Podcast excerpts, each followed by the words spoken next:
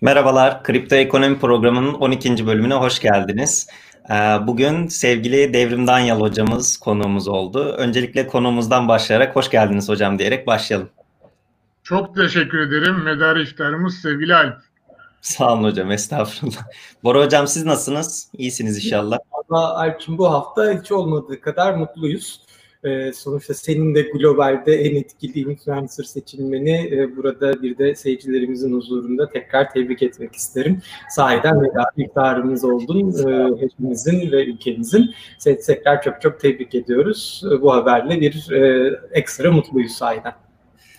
Teşekkür ederim diyeyim. O zaman her zaman olduğu gibi e, yayını şu şekilde bir akışımızdan bahsedeyim. Her hafta kripto paralarla, blockchain ile alakalı gelişmeleri biz bir yayın akışı belirliyoruz ve buna göre de değerli konuklarımızla birlikte yorumluyoruz.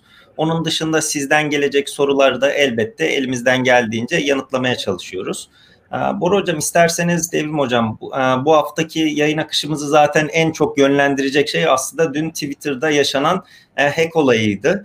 Bora Hocam isterseniz sizden başlayalım. Ee, bu konu hakkında siz de hem bir yazı paylaştınız hem bir röportaj vermiştiniz. Ondan sonra Devrim Hoca ile biz de dün biraz sohbet etme fırsatı bulduk. Oradan devam ederiz.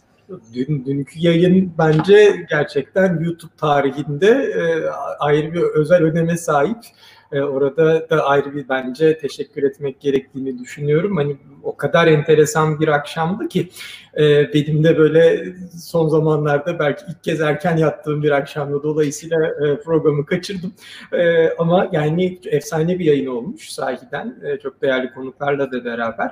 Şimdi bence o yayından başlayalım. Çünkü o yayın zaten yaşanan olayın ciddiyetini yansıtıyor. Şimdi yani Binance'in Twitter hesabının ele geçirilmesinden bahsediyoruz ve Binance'in CEO'sunun, e, CZ'nin hesabının ele geçirilmesinden bahsediyoruz. Ve öyle biri oldu ki bu iş e, benim anladığım kadarıyla Binance'in, Binance Türkiye'nin mesela sahiden e, konuşabileceği bir mecra olarak da senin e, bu anlamda YouTube kanalın e, kullanıldı. Bence bu çok önemli bir şey. Bir taraftan da aslında bu dijital dünyada bazı şeylerin ve güvenilen kalelerin ne kadar hala kaygan bir zeminde olduğunun göstergesi. E, şimdi Devrim Hocam e, konuğumuz, e, onunla da onun yorumlarıyla da devam edelim. Benim e, tek altını çizmek istediğim bu konuyla ilgili şu çok karıştırılıyor. Özellikle işte Bitcoin scam'i olarak lanse ediliyor. Hatta çok hızlıca bir haber göstereyim bununla ilgili. Ee, şuradan açalım. Mesela bu üstelik CoinDesk'in haberi. Ee, CoinDesk yani izleyicilerimiz bilir bu alandaki önemli bir e, yayın organıdır.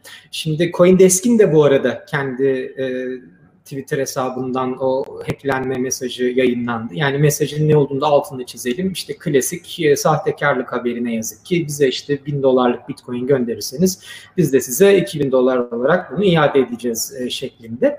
Şimdi tabii konunun e, bir can sıkıcı tarafı bitcoin scam haberleri üzerinden bunun e, lanse ediliyor olması. Halbuki burada e, esas olay Twitter'ın hacklenmesi. E, Twitter'ın hacklenmesi dediğimiz zamanda neyden bahsediyoruz? Aslında internet protokolünün, bizim hep Devrim Hocam'la da bahsettiğimiz merkezi yapısının getirdiği doğal siber güvenlik risklerinden bahsediyoruz. Merkezi dijital sunucular daima bu siber güvenlik risklerine açık. Ve burada hani Bitcoin değil de dolar üzerinden bir e, ödeme talep edilseydi mesela e, muhtemelen hiç Bitcoin ve blockchain konuşulmayacaktı. Hani bilakis e, bu kadar hani Twitter gibi bir mecranın bile e, işte yönetici panelinin ele geçirilmesi sonrasında e, bir şekilde bu kadar etkili isimlerin yani düşünsenize siyasi anlamda da ne kadar e, dünyayı dönüştürebilecek kişilerin Twitter'ın hesabının ele geçirildiğini, Joe Biden'dan bahsediyoruz, başkan adayı, işte hatta öteki başkan adayı Kanye West, işte Kim Kardashian, magazin dünyasından, e, bütün teknoloji devleri, hadi bu kişiler diyelim ki e, siyasetçiler, e, Elon Musk, işte Bill Gates, Jeff Bezos hani kimi ararsanız var. E bununla beraber tabii bütün kripto para borsalarının kendi e, hesapları, bununla ilgili yayın organlarının hesapları ve CEO'larının Twitter hesapları. Bu tabii bir yandan da e, sanki bir mesaj e, verme kaygısı da taşıyor olabilir diye yorumlanabilir. Şu an Amerikan medyasında özellikle bu konu çok konuşuluyor. Devrim Hocam da bahsedecektir. Yani düşündürücü. Biz Twitter'ın CEO'sunun e, da e, Jack'in de ne kadar kripto paraları sevdiğini bizzat kendi biosunda sadece Bitcoin yazmasından biliyoruz. E, bir taraftan bu diğer isimlerin e, hepsinin hemen hemen hepsinin teknoloji, siyaset ve ekonomiyle ilgili olanlarının aslında bu finansal özgürlük anlamında kripto paralara en basit tabiriyle ılımlı yaklaştığını biliyoruz. E bir yandan ifade özgürlüğünün ana ortamı olabilecek Twitter, bir yandan finansal özgürlüğün ana ortamı olabilecek e, kripto paralara yönelik en azından onların isimlerinin aynı yerde anıldığı, anılması tabii e, düşündürücü. Ben böyle bir girizgah yapmış olayım. Devrim Hocam'ın yorumlarını alalım. Öncelikle e, ben burada bir kişiyi çok e, kriz yönetiminde ön plana çıkarmak istiyorum. O da Jay-Z.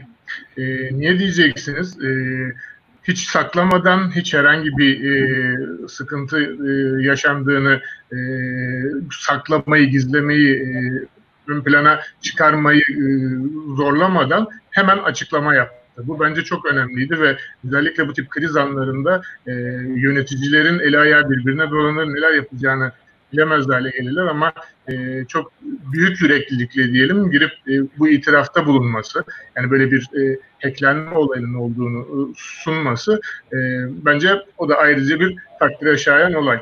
Ama e, bunu tabii ki kendine e, yapılmış e, direkt bir kasıt olarak görmediği için genele yayılacağını bildiği için de yapmış olabilir. Ben e, bu açıdan da birazcık düşünüyorum. Çünkü e, hepimiz öncelikle saat 10-10.30 civarında başladı diye tahmin ediyorum. Baktığımızda e, sadece kripto para borsalarına yapılmış olduğunu e, düşünmüştük.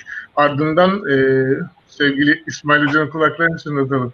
Dün e, maç spikeri gibi o da gitti, bu da gitti, şu da gitti, o da geldi. Ne oldu derken e, farklı farklı ve bu e, demin Boracam bahsetmiş olduğunuz tüm e, şeyler hepsi fenomen ötesi. Yani belki hani herkesin gözünün kulağının olduğu noktalardan bir tanesidir. Bunun Bitcoin ile bağdaştırılmış olmasının da Bitcoin'e çok fazla bir zarar ya da zede vereceğini düşünmüyorum. Bitcoin'in neler atlattığını düşünürsek ki hele dün akşamki süreçlerin ardından bu sabah konuyla ilgili hani e, çok fazla haber okumayan e, insanlar Twitter'ın dün akşamki temizlemeleriyle, sil süpür harekatıyla birlikte e, yeni bir güne uyanarak şey, hayatlarına devam etmiş hale geldiler. Tabii bu e, arkasında bir sürü hukuki e, süreç, tazminat e, şeyleri yaşatacaktır illaki. E, ama e, biz e, bu işe kripto ekonomi açısından bakıyorsak bence çok da zedelenecek bir şey olmadı. E, ben artık bu e, yayında da dile getirdiğim gibi bu işin kripto paralar bazında yani para toplamak amacıyla yapıldığını da düşünüyorum. Hala düşünüyorum. Neden diyeceksiniz? Toplamda bugün tweetlerden çok güzel alıntılar yaptım. Onlardan bir tanesi diyor ki bu hacklenen adamların belki dakikalık geliri 112 bin dolardan daha fazla. Yani o yüzden e, hani bazıları çok amatörce diyor. Bazıları amacı o değildi zaten vermek istediği mesajı verdi diyor. Belki e, çok farklı e, bu konuda e, yorumlar duyabiliriz ama benim burada birazcık da e, teknik bir insan olarak e, değinmeye çalışacağım en e, temel noktalardan bir tanesi de şu. Askerde bir tabir vardır. En yavaş giden e, kadar hızlısındır diye. E, askerini yapan tüm arkadaşlarım bilecektir. Burada da siz en zayıf halkanız kadar sağlamsınız. Dikkat edin. Dün bir sürü e, bu konuda e, tespit yapılmaya çalıştı. Bir sürü fikir ortaya atıldı. Ancak en sonunda gördük ki hani ne bir e, ciddi anlamda bir hacklenme, yani hack anlamında bir hacklenme ne de e, herhangi bir yere sızma vardı. Sadece üst yönetimdeki bir e, admin hesabının, e, yönetici hesabının ele geçirilmesiyle her şey belki de çok uzun zaman önce ele geçirilmiş ama tarih olarak dünün belirlenmesi e, itibariyle gündeme çıkmış bir şey olabilir. Tabii arka tarafta neler olduğunu, neler yaşandığını bilmiyoruz ama e, bazı e, burada temize çıkarmamız gereken şeyler olduğunu da düşünüyorum. Özellikle e, artık kriptografi bitti, kriptolojinin sonu geldi artık hiçbir şey bizi koruyamaz tarzında e, mesajlar okudum. Bu tip e, yargılar e, insanlar koymaya başladı. Şu anki sürecin içerisinde e, bunu e, teyit edebiliriz ki herhangi bir e, private key, public key ya da işte e, asimetrik şifreleme ile ilgili bir sorun yok. Sorun tamamen kendi iç e, dengelerinde yaşanan normal bir şifre kaybı ya da erişimle ilgili olduğunu ben gözlemliyorum. Yani herkesin içi rahat olsun, herkes e, bu konuda eski güven e, sistemlerinin bozulmadığını, herhangi bir şekilde ortadan yok olmadığını e, bilsin isterim. E, ikinci şey de herhangi bir kişinin canı yanmadığı için ben o konuda da e, çok e, müsterihim, e, içim rahat. Niye diyeceksiniz?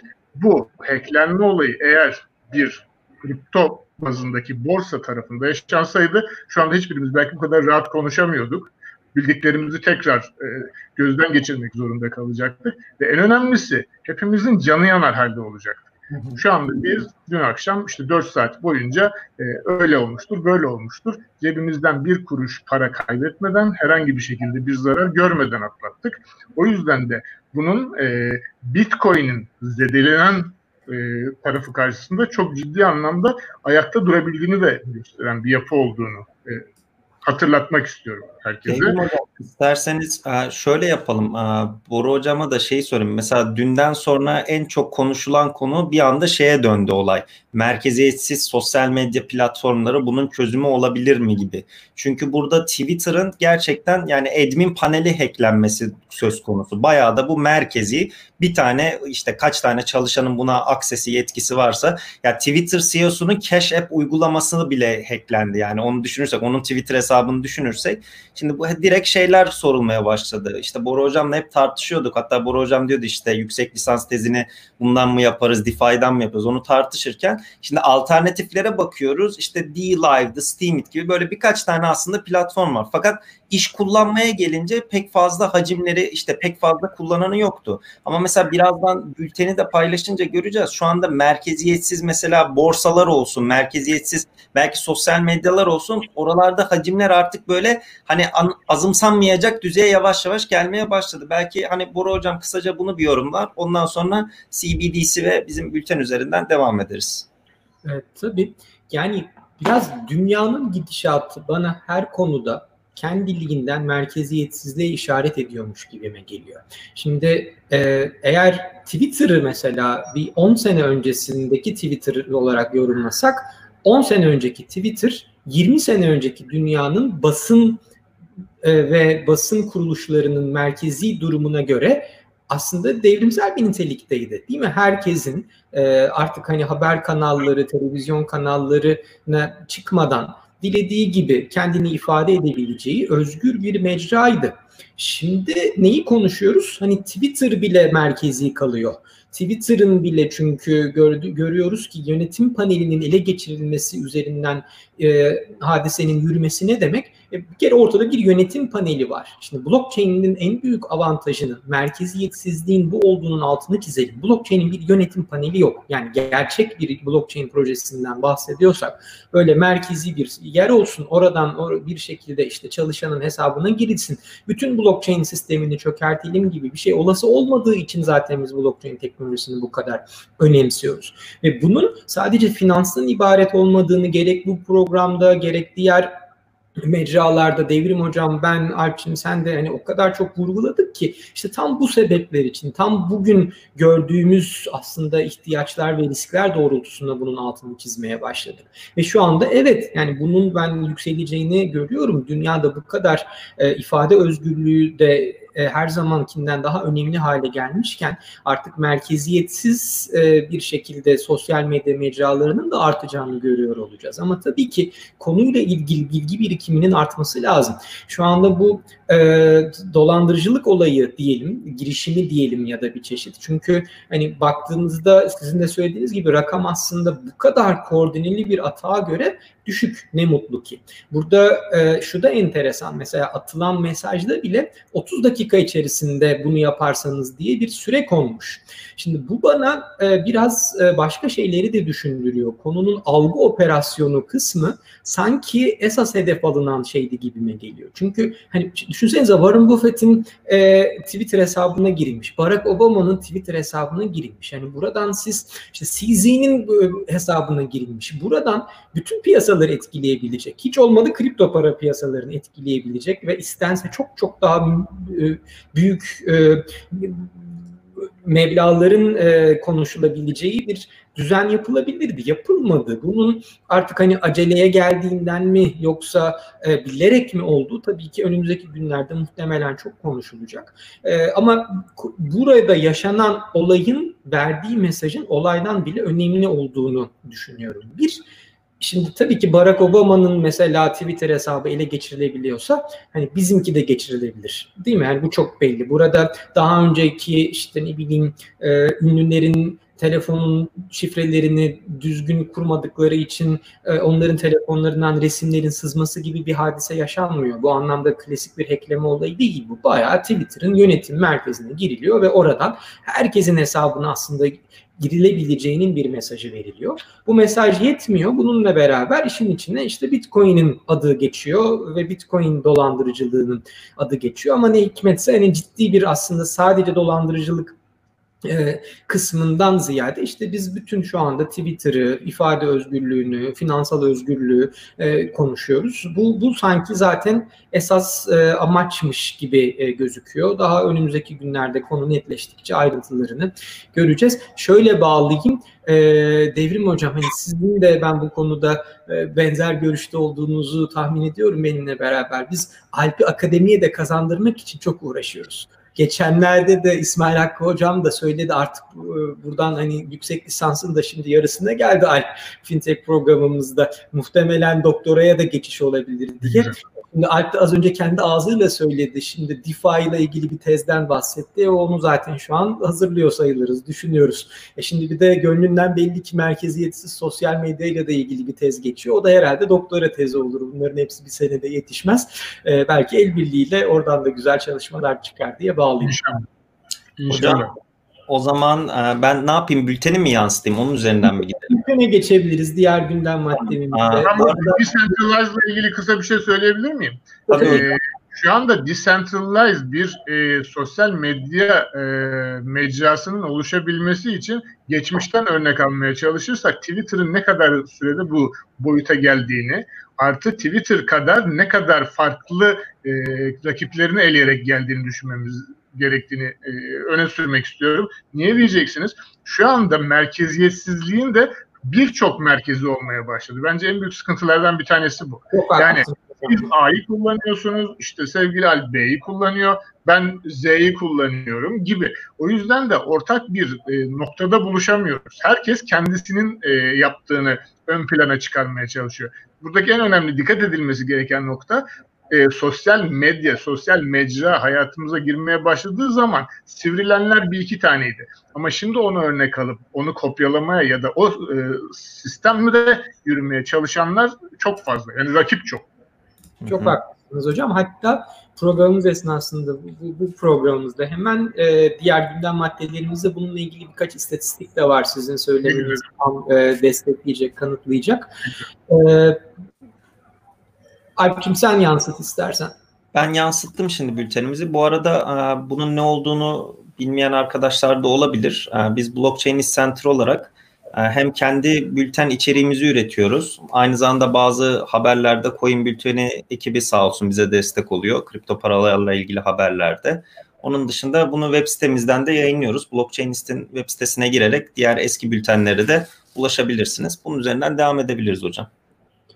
E, tabii hani genel konu aslında e, Devrim Hocam bizim daha önceki programlarda da artık düzenli içeriğimizi oluşturan bu merkez bankalarının dijital para birimleri.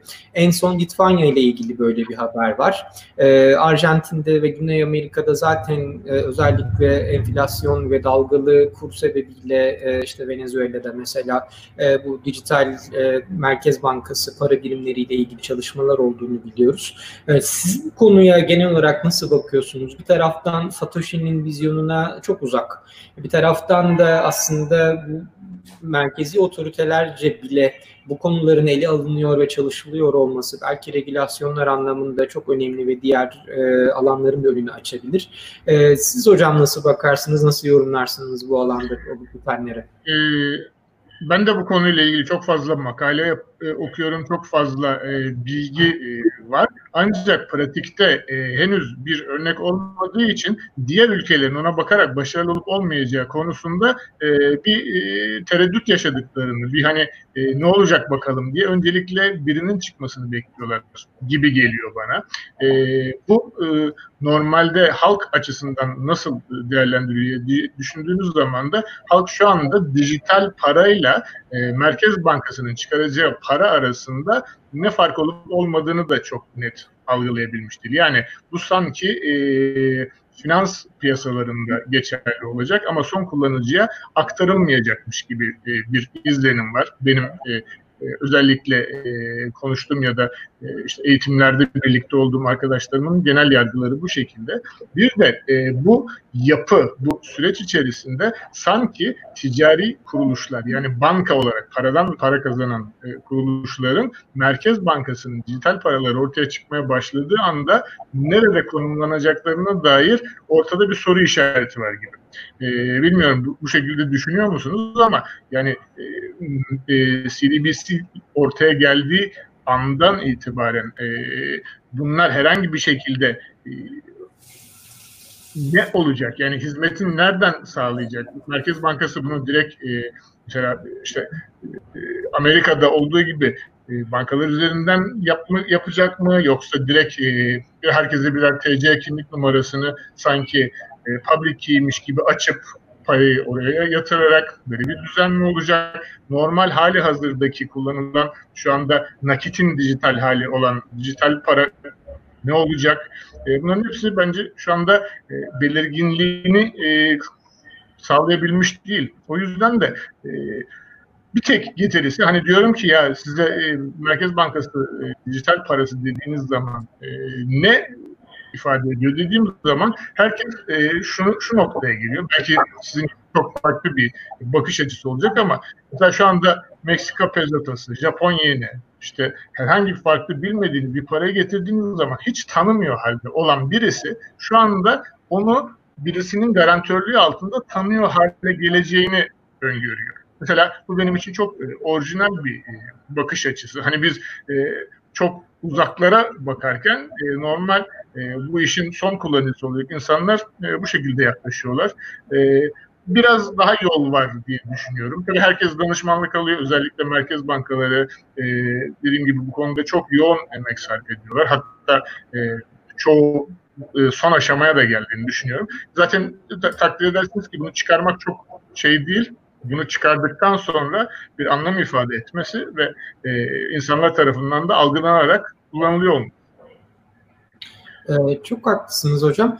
Ee, ben bu işlerin ihtiyaçla besleniyor olması ve gerçek hayattaki sorunları e, çözüyor olmasının ana motivasyonuyla ilerleneceğini e, düşünüyorum. Bununla ilgili izleyicilerimize de tane haber paylaşmak isterim. E, mesela bu beni şaşırttı. Genelde işte hep biz Çin'i konuştuk, Estonya'yı konuştuk. E, işte şu an Finlandiya'da mesela önemli bir çalışma yürütülüyor. İsveç'te keza öyle. E, mesela ama bunları biz konuşurken işte finansal sistemdeki yeni bir e, aşama olarak ve işte belki blockchain teknolojisi ve kripto paraların yükselmesinin merkez bankalarının e, para politikalarını etkileme riski sebebiyle bu çalışmaların sürdüğünü daha önceki programlarımıza da ele almıştık. E, iki tane yeni haber gördüm. Bunları yansıtmak isterim. Bunlardan bir tanesi Bahama ile ilgili. E, Bahama'da dijital paralara geçiş motivasyonu e, hiç öyle bir şekilde Amerika'daki gibi sosyal yardımları daha da hızlı ulaştıralım ya da Merkez Bankamızın para politikası mesela olur da negatif faizlere geçilirse etkisini kaybetmesin sebebiyle değil, baya daha önce yaşanan kasırgada bütün finans sistemi çöktüğü, e, ödemeler sistemi durduğu ve bu anlamda finansal kayıtlarla da ilgili pek çok kayıp yaşandığı için şimdi bayağı yeni beklenen kasırgalara karşı dayanıklı olması sebebiyle bir dijital merkez bankası parası projesi üzerine çalıştıklarını görüyoruz. E, bu bence enteresan. E, izleyicilerimiz eğer konuyu merak ediyorlarsa detaylı bir şekilde bu haber kaynağından takip edebilirler. Gene bununla ilişkili bir haberimiz daha var. E, onu da yansıtmaya çalışayım hemen. E, o da diğeri de Hong Kong'dan. Hong Kong'un Çin'le olan ilişkisini izleyicilerimizin malumudur.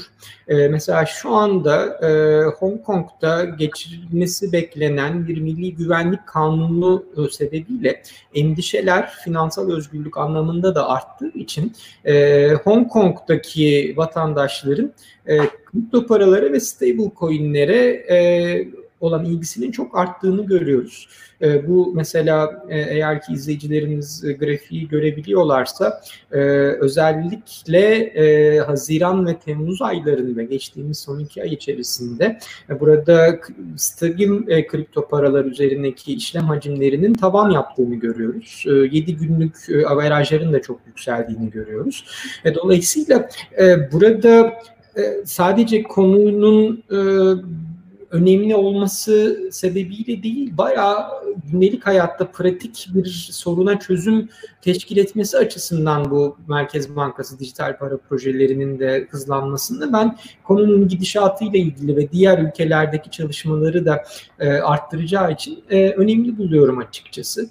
E, belki buradan biraz hocam e, sizin bu temassız ve nakitsiz e, işlemlerle ilgili e, önemli yorumlarınız vardı. Biraz oraya geçebiliriz. Oradan da belki güncel DeFi istatistikleriyle devam edebiliriz. Tabii ki.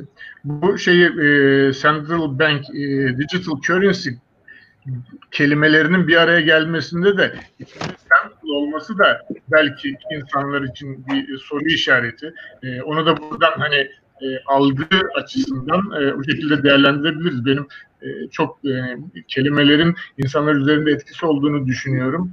E, yani bir merkez bankası gene diğer merkeziyetsiz sistemle nasıl e, bağdaşır bir soru işareti olduğunu düşünüyorum. Şimdi e, teşekkür ederim bu temassız konusunu açtığınız için. E, ben bunu sürtünmesiz e, yeni hayat olarak nitelendiriyorum ve üç tane temel e, bağlam üzerinden e, yürütüyorum. Birincisi e, temassız, ikincisi nakitsiz, üçüncüsü de, üçüncüsü de şifresiz. Mümkün olduğunca e, sürtünmeyi arttırmanın en temel şeyi finans sektörüne yaradı tabii ki. Neden diyeceksiniz? Hep e, gene eğitimlerimde vermiş olduğum örneklerden bir tanesi özellikle perakendecilerle e, e, yapmış olduğumuz eğitimlerde e, hep konu işte ne kadar ciromuzu arttırabiliriz, nasıl e, büyüyebiliriz. Ben de onlara hep e, bu işin nakit parayla olmayacağını örneklemek adına e, bir günde 34.8 milyar dolarlık hacim nasıl yapabilirsiniz? Diye soruyorum. Hani bu belki e, Türkiye'deki en büyük perakende zincirlerinin bile e, dikkatini çekebilecek bir şey. Bu da biliyorsunuz e, 11-11 tarihinde e, Ali Baba'nın e, gerçekleştirmiş olduğu e, bir günlük e, etkinlik sonucunda elde edilen ciro. Ve bu işin ilginç taraflarından bir tanesi de bu cironun %65 civarındaki tutarı toplam ilk 4 saatte elde ediliyor. Şimdi bu açıdan baktığınız zaman sürtünmesizin en pratikte insanların algılayabileceği noktanın bu olduğunu görüyoruz. E bu Amazon Go mağazaları var biliyorsunuz. Yani ne kartınızı çıkartıyorsunuz ne herhangi bir e, bilgi e, veriyorsunuz. Ben adamı gözünden tanırım artık e, yavaş yavaş gerçek olmaya başlayacak ve e, gerçekten gözünüzden sizin finans sistemi tahsilatlarınızı yapmaya başlayacak. E, bunun e, nakitsiz topluma ifade ettiğinin e, bir göstergesi olarak da yavaş yavaş şifreler hayatımızdan çıkmaya başlıyor. Bu da e, özellikle dünkü yayında da birazcık e, bahsetmeye çalıştım.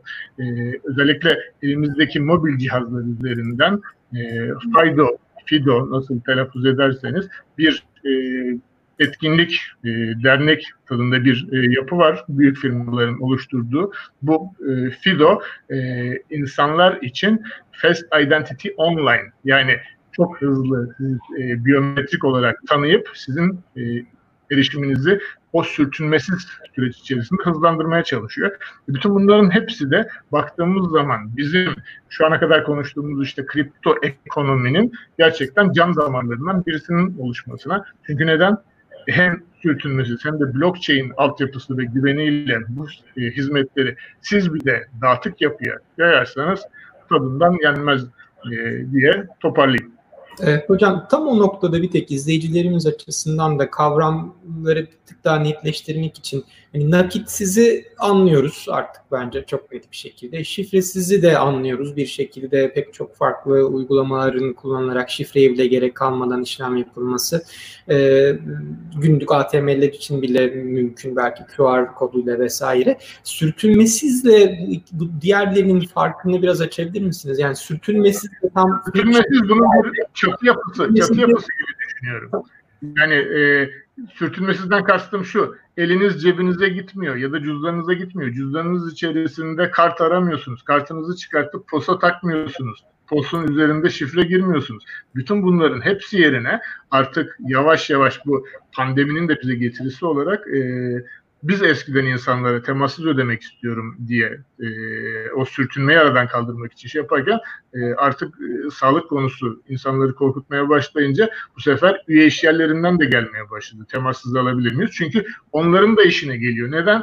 E, yaklaşık 2 saniye, 3 saniye içerisinde okunan bir e, para tahsilatı orada gelen kuryenin 3 3 e, paketi daha fazla taşımasına yol açıyor. Yani hepsi birbiriyle doğru orantılı o sürtünmesiz kavramını e, bu nedenle söylüyorum. Şifre konusunda da şu anda e, yüzümüzle nasıl internet bankacılığına ya da parmak izimizle nasıl e, cep telefonlarımızla login oluyorsak oradaki sürtünmeyi de o şekilde azaltıyoruz. Yani e, şifreler, numaralar girmek yerine bir de e, merak edenler için bir step ilerisini daha söyleyelim. Bu Fast Identity online e, süreçleri içerisinde artık şifreler herhangi bir yerde bir database'de saklanmayacak. Yani bir hash'i alınıp e, bir database üzerinde saklanmayacak. O anda oluşturularak o anda e, sisteme online olarak gönderilecek. Tabii bu da e, altyapıların bu e, telekomünikasyon hatlarının özellikle 5G, 6G ile çok daha süratli bize geri dönüşünü de e,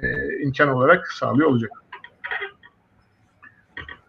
Hocam siz anlatırken ben de Amazon Go'nun e, videosunu vermeye çalıştım. Hani arkadaşlar o sürtünme sizin tam olarak anlayabilsinlerdi. Şöyle bir şey var. Onunla da e, teknoloji editörleri onu deneyen bazı arkadaş, YouTuber arkadaşları izlemiştim. İnsanlar tabii onu kandırmaya çalışıyor. Yani siz oradan bir su aldığınızda yapay zeka ve orada baya bir image processing olayı var. Kameralar sizi izliyor o suyun ama QR kodunu izlemiyor. Onun su olduğunu biliyor. Yani ürünü tanıyarak yapıyor. Orada bazıları şeyi karıştırıyor. QR kodu telefonumdan dıt dıt okutuyorum. Çıkarken parayı ödüyorum. Öyle de bir şey değil. Bayağı alıyorsunuz elinize mağazadan çalıyormuş gibi gidiyorsunuz. Sadece girerken Amazon hesabınızın bir QR kodunu bir tane okutmanız gerekiyor.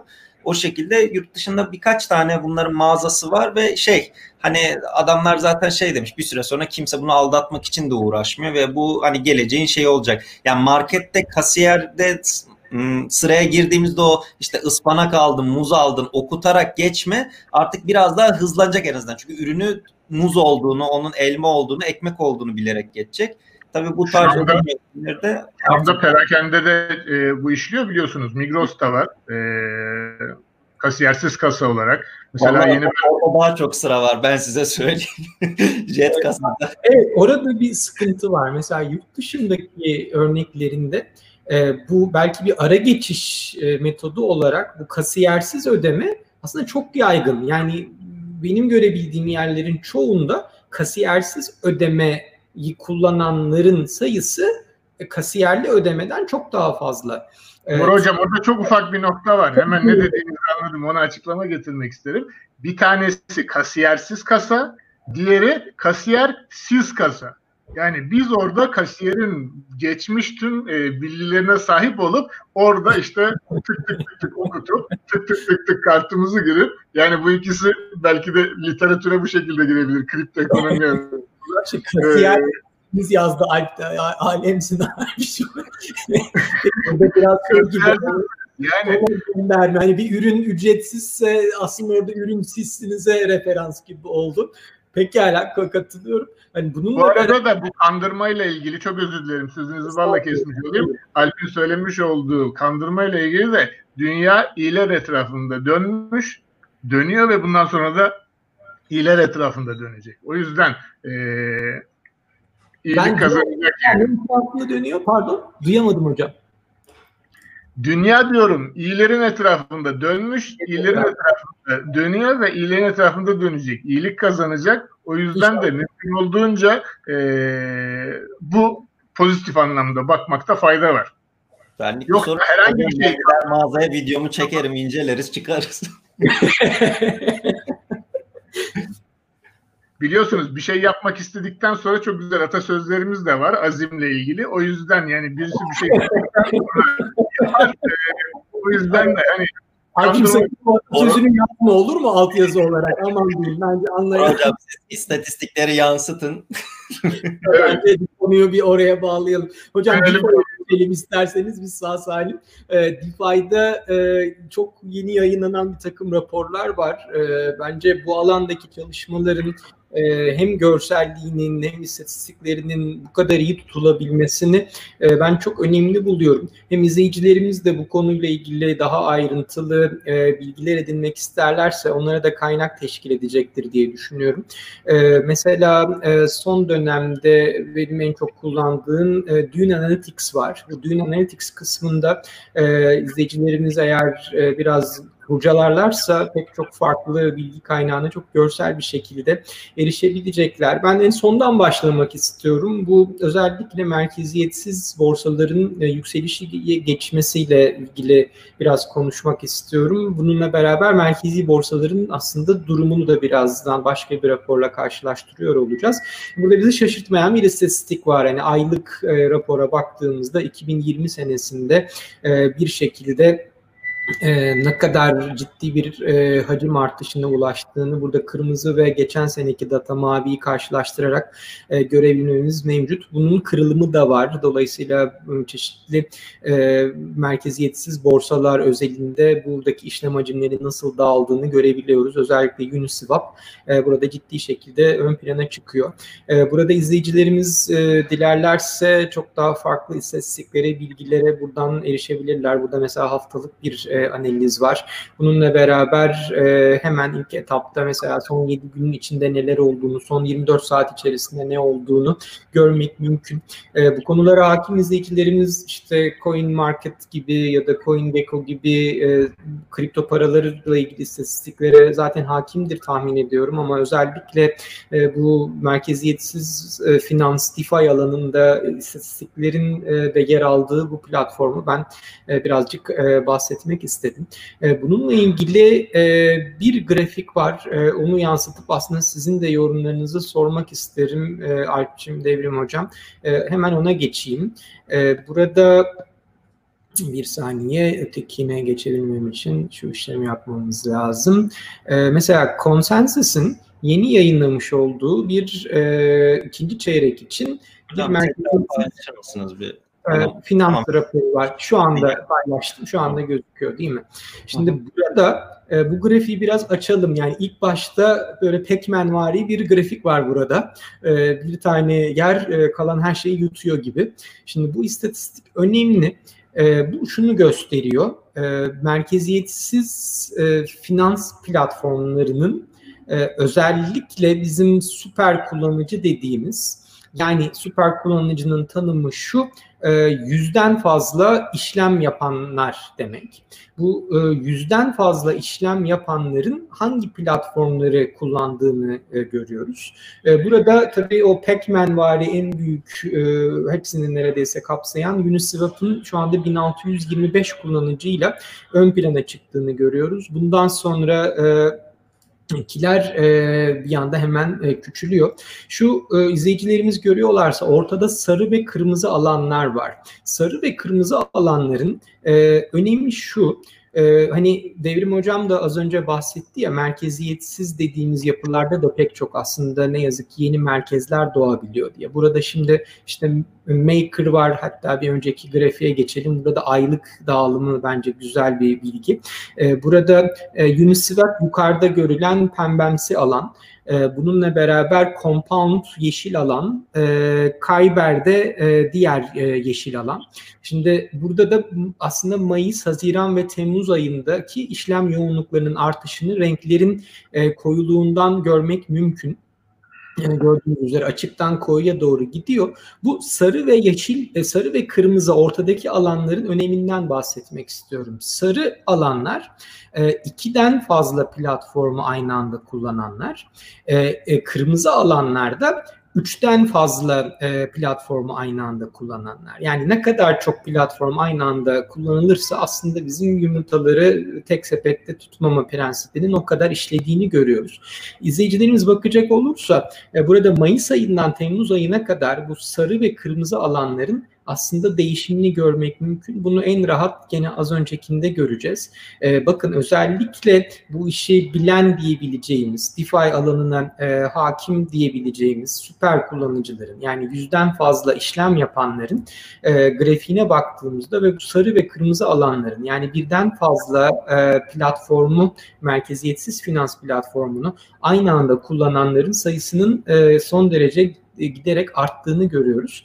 E, ben burada durup e, Devrim Hocam'a sormak isterim. Hocam hani sizce merkeziyetsiz finans ne kadar merkeziyetsiz, ne kadar ümit var burada merkeziyetsizlik anlamında. Bir taraftan çok fazla risk de var. Sizin de çok güzel yazılarınız var bu konuda. Birazdan da Alp'e tabii aynı soruyu yöneltmek isterim. Buradaki risk anlamında ve bu DeFi protokollerinin gidişatı konusunda neler düşünürsünüz? Ben şimdi burada gene halkın tepkisini hatta halka bir şey anlatmaya çalışan e, bir şeyler öğretmeye çalışan DEX üzerinde çalışmalar yapmak ve onu yaptıklarını göstermek için e, çaba sarf eden arkadaşların sıkıntılarını dile getirmek istiyorum. Gene farklı bir açıdan bakacağım. E, evet. E, örnek olarak sevgili gene kulaklarını çınlatalım. Şant Manukyan anlata anlata en son e, Metamask'ında para kalmadı yani en son e, vermiş olduğu örnekte dedi ki ödeyecek gaz kalmadı. O yüzden de hani bunu size gösteriyorum. Merak edenler varsa devam etsin diye. Şimdi e, bu işin tabii esprili e, buradan selamımızı yollayalım diye e, anlattığım bir hikaye. E, baktığınızda e, bu e, hani ucuz olacaktı, hani e, tamam merkeziyetsiz olacaktı da hani herkese yönelik olacaktı. Şimdi bakma bu açılardan bakmaya çalıştığımız zaman e, tamam e, hani bize şu anda belki emekleme aşamasında olan birçok şey e, e, hayatımıza sokuyor. Belki bir sürü mantıksal değişiklikleri hayatımıza sokuyor. Ama burada en temelde şunun farkına varıyor olmamız lazım. Gene sizi biraz geriye götürmek istiyorum. 1990'lı yılların sonlarında biz tamamen merkezi olan bankacılık sistemini esasında ilk DeFi kırılımı olarak tanımlayabileceğimiz internet bankacılığını açarak kullanıcılara sunmaya başladık. Bu bankalar için çok keyifli ve maliyeti de düşürücü bir şeydi. Çünkü demin ki kasiyersiz e, konu aynen orada da veznesiz yani her şeyin sizin e, aracılığınızla yapılabileceği, bankanın bu işlemleri size yaptırabileceği bir süreç içerisinde gerçekleşti. E tabii benim 15 senelik e, paha biçilemez e, bankacılık IT tecrübemin yaşattığı en önemli noktalardan bir tanesi oradaki yaşanan zorluklar. Yani bu işin keyifli olduğu kadar yaşanan zorlukları bizim koltuğumuzun altına bilgisayarları alıp hakimlerin karşısına çıkıp orada bu işlemlerin hukuk tarafında da birilerine bir şey anlatılması ile ilgili süreçlerde yaşadığımız zorlukları dile getirmeye çalışıyorum ki lütfen dikkat edin bu tamamen merkezi yapılar için merkeziyetsiz bir dönüşümdü. Şimdi biz bunu alıyoruz ve tamamen hiçbir merkezi olmayan, hiçbir e, yere başvuramayacağınız bir şekilde, bir call center olmayacak şekilde insanlara açıyoruz ve insanların kullanımını başkalarının oluşturmuş olduğu akıllı sözleşmelere bağlamaya çalışıyoruz. Şu Hocam, ana kadar lafınızı kestim. Boru Hoca'nın oradan çok gürültü geliyormuş da bir camı kapatıp gelecek Boru Hoca. Onu açıklamak istedim. Tamam.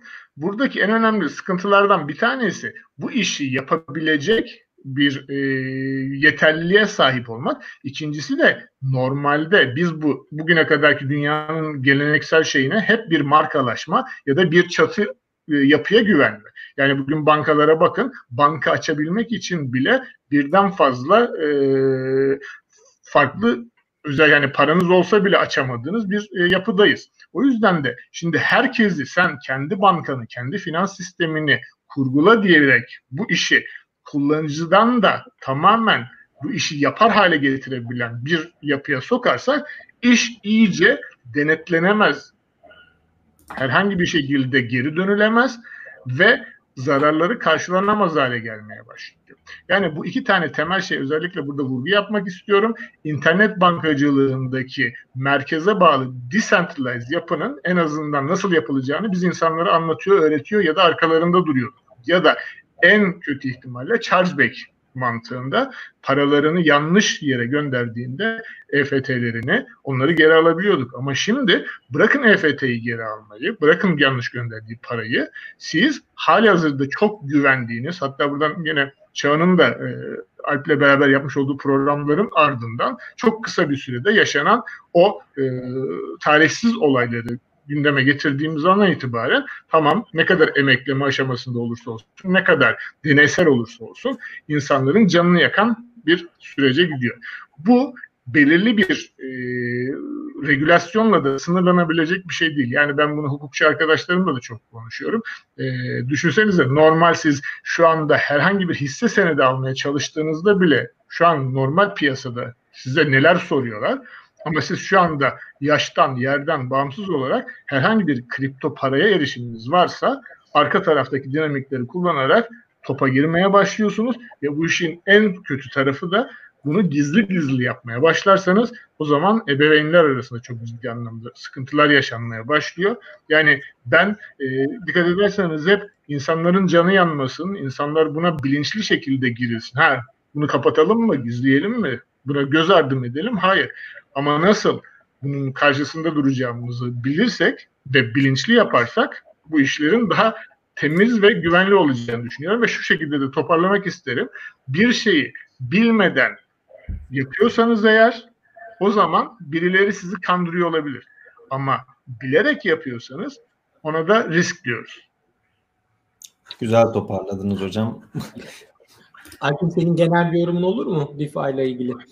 Hocam e, biz zaten hani akışta da merkezi borsalar ve merkeziyetsiz borsalar kısmında hani konuşacağız diye şey yapmıştık. Akışımızı o şekilde değerlendirmiştik. Belki biraz ona bağlayarak e, bunu yayınımızı sonlandırabiliriz. Daha fazla da hani izleyicilerimizi bir saat yap tutmaya tamam. çalışıyoruz. Ee, hemen mesela onunla ilgili bir grafik var, e, bir rapor var. Onu yansıtayım. Ee, mesela bu bence çarpıcı. Ee, şöyle, bu CoinGecko'nun geçtiğimiz hafta birinci çeyrekle ilgili bir raporu vardı. Bu da ikinci çeyrek raporundan merkezi borsalarda merkeziyetsiz borsaların karşılaştırması üzerine. Şimdi bu e, çarpıcı bence çünkü şunu gösteriyor. Birinci çeyreğe göre ikinci çeyrekte e, yüzde yedi e, genel bir düşüş var merkezi e, borsaların kullanımında. Yani merkezi borsaların e, ticaret hacminde diyelim. E, burada borsalara göre e, kırılımlar da yapılmış. Hafif yükselen borsalar da var ama genelde hepsinin e, aslında bir düşüşü var. E, ve bununla beraber şu enteresan hani bunu, buna bakan bir kişi ne görür? Aa, o zaman işte kripto paraların demek ki kullanımı ve e, ticari hacminde e, düşüş var. E, işte belki e, o zaman e, işte durgunluğa mı girildi gibilerden.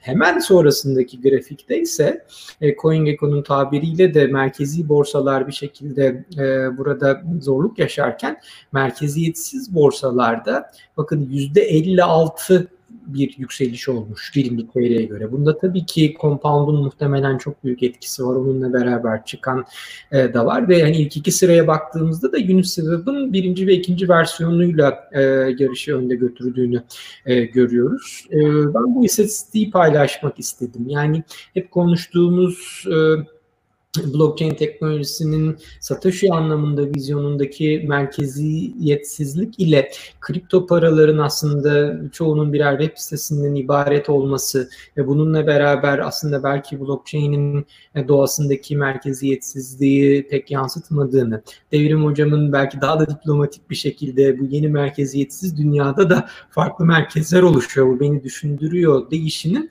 e, gene belki rakamlarla bir karşılığını görüyoruz ve e, gene ihtiyaç bazlı e, bir gidişat var. Yani bu merkeziyetsizliğe duyulan özlemin yansıması bence bu grafikler borsalar düzeyinde de. Tabii burada da aslında e, normal hani kripto paraların kendi içerisindeki genel merkeziyetsizlikle işte merkez bankalarının arasındaki ilişki ya da bu Facebook e, veya işte diğer e, fintech kuruluşlarının çıkardığı dijital para e, projeleri arasındaki dinamizmin ben kriptonun kendi içinde ayrı bir bölünmeyle bir dinamik e, içerdiğini düşünüyorum. Merkezi borsalarla merkeziyetsiz borsaların dinamiği.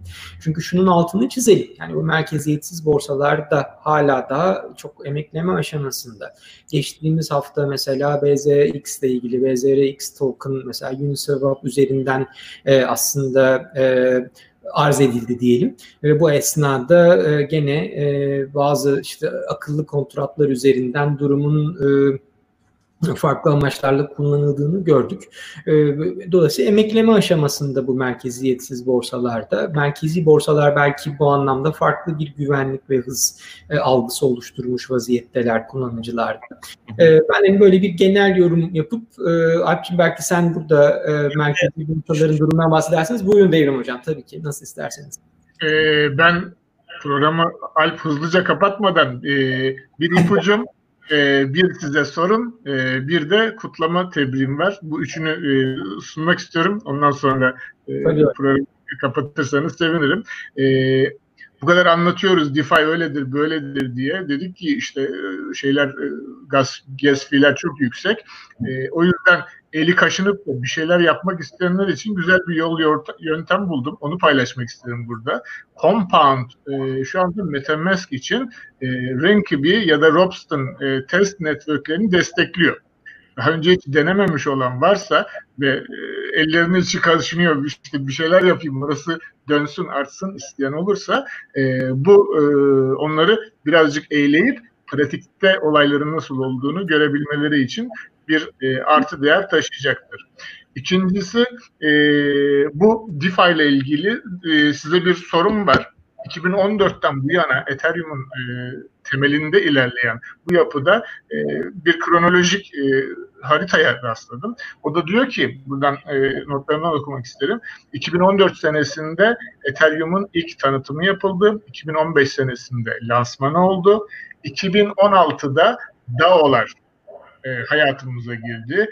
2017'de ICO'lar, ICO'lar nasıl telaffuz ederseniz girdi, e, patladı, çatladı, bir yenilik olarak sunuldu. 18'de stablecoin hayatımıza girdi. Hı hı. 2019'da bank coin'ler yani CBDC'ler bahsetmiş olduğumuz bugünün belki de toparlaması olarak e, hayatımıza girdiğini söyleyelim. 2020'nin de DeFi senesi olduğunu böyle bir e, en azından kripto ekonomi izleyicileri için e, kronolojik bir dökümünü yapmış olalım. 2021'de de neler olacağına dair yine de bir e, soru sorarak ben buradan e, toparlamış olayım. Bir de bugün benim e, girişte Alf için çok sürprizlerim, çok keyifli, neşeli şeyim vardı. Hatta onunla da ilgili keyifli tweet atmıştım. Kapanmadan önce buradan tekrar e, bir unicornumuza çok sevindim ki de Alf'in Teşekkür ederim. E, ne kadar sembolik de olursa olsun e, Türkiye'den böyle bir e, tanıtımın yapılıyor olması da paha biçilemez. O yüzden buradan kendi adıma e, ve kripto ekosistemi adına e, tekrar tebriklerimi iletmek istiyorum. Ederim hocam. Bora hocam o zaman ben topu ben mi alayım? Devrim Hoca son 5-6 seneyi şöyle yaptı da hep şey aklıma geldi. Devrim Hoca söylerken şimdi e, Ethereum'un e, official YouTube kanalına girip en çok izlenen videoyu açtığınızda DAO çıkıyordu. Böyle Vitalik DAO'yu anlatıyordu. DAO hackini gördük. İşte oradan ICO'lar dedik. Hani ICO'ların sonunun nasıl bittiği malum. Hatta o arada belki şeyi sayabiliriz. offeringleri sayabiliriz. Borsalar. Mesela o işin de birazcık devam ediyor. Hala bir sıkıntı yok ama Şimdi DeFi'da aslında biraz pratikten bahsetmek gerekirse bu son iki hafta boyunca Initial DeFi Offering diye bir kavram çıktı.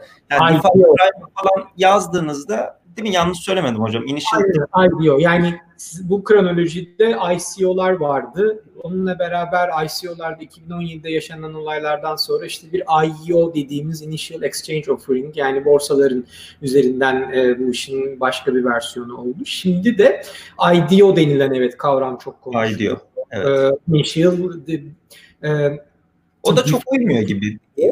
Efendim? Çok da bana uymuyor. Yani IDO deyip de Initial DeFi Offering belki daha düzgün bir isim bulunması lazım. Ama ben şey kısmını söylemek istiyorum. Şimdi merkezi borsaların listediği mesela bu Initial Exchange Offering dediğimiz olaylardaki risk aslında merkezi borsaya olan güvendi. Yani o borsanın kaçıp gidebileceği, hacklenebileceği. Orada bir borsa ile aranızda bir güven şeyi var. Yani muhatabınız belli aslında. Mesela bu son 1-2 haftada bu şekilde kendi tokenlarını merkeziyetsiz borsalar üzerinden satışa açan e, projelere baktığımızda insanlar mesela Uniswap üzerinden veya başka bir merkeziyetsiz borsa üzerinden aynı o token'ın ismiyle onlarca belki aynı isimde farklı insanları dolandırmak için token oradan satışa sundular. Çünkü bunu yapabiliyorlar. Hani neden? Çünkü teknoloji buna izin veriyor. Şimdi böyle bir durum olduğunda da çok fazla kişi mağdur oldu. Yani bir yandan onların hacimleri artmakla birlikte avantaj ve dezavantaj olarak karşılaştırdığımızda işin mesela bu kısmı eskiden ya şöyle diyeyim Uniswap'ı falan çok fazla kullanılmadığı için hani mağduriyette yaşanmıyordu. Şu anda mesela geçtiğimiz günlerde 18 milyon dolarlık sırf 24 saatte bir hacim yaptı. Fakat bu hacimde o Boroca'nın bahsettiği işte birkaç tane projenin satışında gerçekten insanlar işte fake projeye para gönderdi. Neye nasıl atacağını bilmiyor. Neden bilmiyor? İlk başta dediğimiz aslında finansal okur yazarlığa geldi. Çünkü adam Ethereum üzerindeki kontratın adresine bakarak hangi projeye para gönderdiğini doğrulamayı bilmiyor. Aslında çok basit bir bilgi eksikliği. Mesela biz Çağın'la konuşuyorduk. Çağın'a dedim ne yapıyoruz ne ediyoruz? Abi kontratı açtım. Kontrat adresiyle okey burası aynı. Tamam hani güvendeyiz dedi. Çünkü ona çok ufak bir bilgi 30 saniye ama işte onu bilmeyen bir sürü kişi yanlış yaptı. Artık bunlar da şey olacak yani sonuçta DeFi kavramı çok yeni bir kavram. Hani bir buçuk sene bile belki diyemeyiz. Hani yavaş yavaş ilk başta da borsalar böyleydi. Hani şu anki geldiği durumla bir 5 sene önceki durum çok farklıydı. Hani ben de bu şekilde toparlamak isterim en son. Bence gayet e, güzel oldu. Ee, burada sevgili Aybars'ın e, aslında hem Ben Turkey Başkanı hem e, Bahçeşehir Üniversitesi Blockchain Kulübü Başkanı onun yansıttığı e, bir e, yorum var. Belki onu ekrana alabiliriz. Bu e, 955'te DeFi Prime'dan bu Initial DeFi Offering diye bahsettiğimiz konuyla ilgili bir e, yeni yazı yayınlandı. E, ne olduğu, ne içerdiği ve ne içermediği ile ilgili ilgili izleyicilerimiz varsa e, buna bakabilirler. Tabii ben bir de hani şunu söylemek isterim. Bu eski algıların yeni teknolojilere sirayet etme durumu da var. Çünkü hani DeFi'nin olayı aslında bu değil. Yani aa burada yeni bir proje çıkıyor o zaman buralar değerlenir. Biz şimdiden yatırım yapalım. Hani arsa alırız buralardan kurt geçerdi sonra ileride torunlarımız zengin olur kafası bu. Ama DeFi bu değil. Yani DeFi'nin vizyonu da bu değil. Yani burada DeFi biraz diğerlerini de göstermek gerekirse hani projeleri belki DeFi Prime'dan göstermemiz gerekirse Bora hocamızın dediği hani sırf finansla ilgili değil de stabil paralar da bir DeFi. Mesela şurada insurance var. İsterseniz hocam ben bölmüş gibi olmayayım devam edin ama şunu yansıtmak bu, Buyur, buyur Hakim. Hani özellikle bu insurance konusunu belki bu hafta programımızın süresini e, aşmayalım diye belki önümüzdeki hafta ele alabiliriz. E, çünkü DeFi riskleriyle beraber çözümlerini de getirmeye çalışıyor. İşte yeni bir protokol üzerinden e, aslında akıllı kontratlarla ilgili oluşabilecek riskleri de sigortalatmak artık mümkün. Yani bu her hafta gerçekten DeFi'de bir yenilik oluyor. Tabii ki bunlar e, yani daha henüz gelişme aşamasındalar ama bu kadar dinamik bir alanın e, aslında çok e, kendi ihtiyaçlarını karşılayacak, kendi risklerini bertaraf edecek şekilde ilerlediğini görmek e, bence çok ümit verici. E, ben hani ben başlayayım o zaman teşekkür ederim. Devrim Hocam hani çok teşekkür ederiz yayınımıza katıldınız, onur verdiniz, şeref verdiniz. Ee, Alp'cim senin de her zamanki gibi moderasyonun için, katkıların için e, ben çok teşekkür ederim. İzleyicilerimize de e, çok teşekkür ederiz. E, ben iyi akşamlar diliyorum. Devrim Hocam siz de varsa bir söyleyeceğiniz son olarak en sonunda ben kapatayım, dağılalım olaysız. ben de ben de beni sevenlere two factor authenticator Burası rahat edin. Biraz yüzünüzde gülümsemeyle kapatmış olalım. Aynen öyle. Arkadaşlar e, yayını Twitter ve YouTube üzerinden eş zamanlı yapıyoruz. Aynı zamanda podcast olarak da Spotify'dan e, dinleyebilirsiniz. Onun dışında YouTube'da Blockchain Center'ın YouTube kanalından da e, abone olup oradan da yayının tekrarını izleyebilirsiniz. Bu akşam bizi izlediğiniz için çok teşekkür ederiz. Herkese iyi akşamlar dilerim.